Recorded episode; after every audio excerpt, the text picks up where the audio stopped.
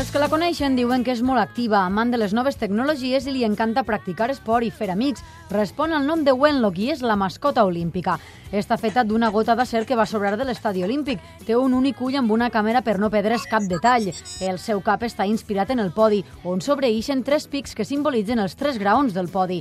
Al més alt dels tres, una llum resplendent i groga que recorda la que porten els tradicionals taxis anglesos. El logo de Londres 2012 lluïix al pit de la mascota i els seus colors són els de les medalles, or, plata, que és el majoritari, i bronze. I les cinc pulseres de l'amistat que lluïix estan fetes amb els colors de les cinc anelles olímpiques. Té l'honor de tindre una cançó pròpia, una Rainbow, i el seu nom prové del segle XIX. En la localitat de Match Wenlock es celebraven els Match Wenlock Games i en una de les seues edicions van convidar el baró Pierre de Coubertin. Diuen que, entre altres coses, això va servir d'inspiració per als Jocs Olímpics moderns. Reduce, reuse, recycle. Reduce, reuse, recycle.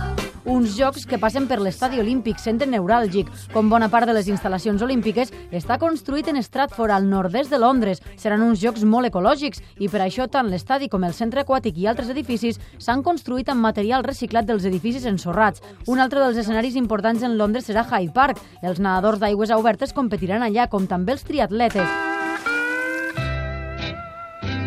Però si hi ha un escenari curiós en Londres 2012, serà el del vòlei platja. La capital anglesa no té mar, però l'arena del Horse Guard Parade segur que està a l'altura. Serà curiós veure eixos coses esculturals amb banyadors diminuts i jugar els seus partits en un pati d'armes on any rere any es fa una marxa per celebrar l'aniversari de la reina Isabel II. Vinga, xicuela, fins demà.